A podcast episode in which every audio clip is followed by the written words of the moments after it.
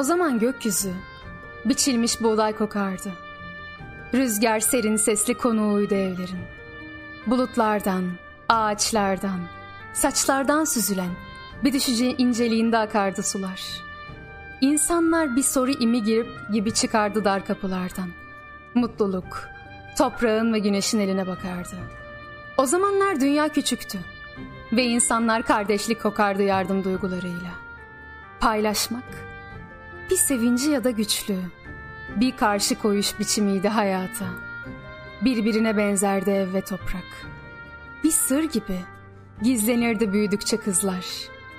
Erkekler şapkanın siperinde geçerdi sokaklardan. Bulutlara çobanlık ederdim ben o zaman. Bir basma entarinin eteğinde, eski desenler gibi. Zor inanıp güç değişen. Bunalıyoruz çocuk, bunalıyoruz. Biçim veremediğimiz şeylerin biçimini alıyoruz. Birbirine benzerdi mevsimlerin bahçelere getirdiği renk. Evlere getirdiği telaş, sevinç, keder. Ölümün ömrü yok. Ölümün yüreği yok. Ölümün evi yok. Ekmeği yok. Sevgisi yok.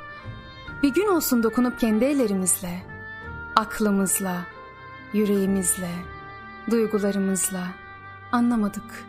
Biz o çocukları hiç anlamadık. Biz o çocukları tanımadık hiç. Korktuk hepsinden. Neden korktuğumuzu bilmeden. Garip bir merakla bakıp arkalarından.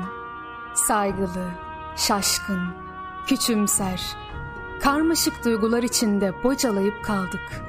Bizim olmayan bir ağızla konuştuk arkalarından. Şimdi düşünüyorum da korkmayan yanımızmış o çocuklar bizim. Konuşan yanımızmış. Düşleyen yanımızmış o çocuklar bizim. Direnen yanımızmış. Düşünüyorum da farkına varmadan sessizce kendiliğinden sevmişim meğer onları ben. İnanmışım. Katılmışım hatta türkülerine kendimce. Yoksa niye kanısın değil mi? Bunca yıl andan sonra. Kendim öylece dururken, sesim dururken. Anlamamışız. Biz o çocukları hiç anlamadık. Biz o çocukları hiç tanımadık. Korktuk hepsinden. Şaşkın, küçümser. Anlamadık. Anlıyorum da direnen yanımızmış. Direnmedik.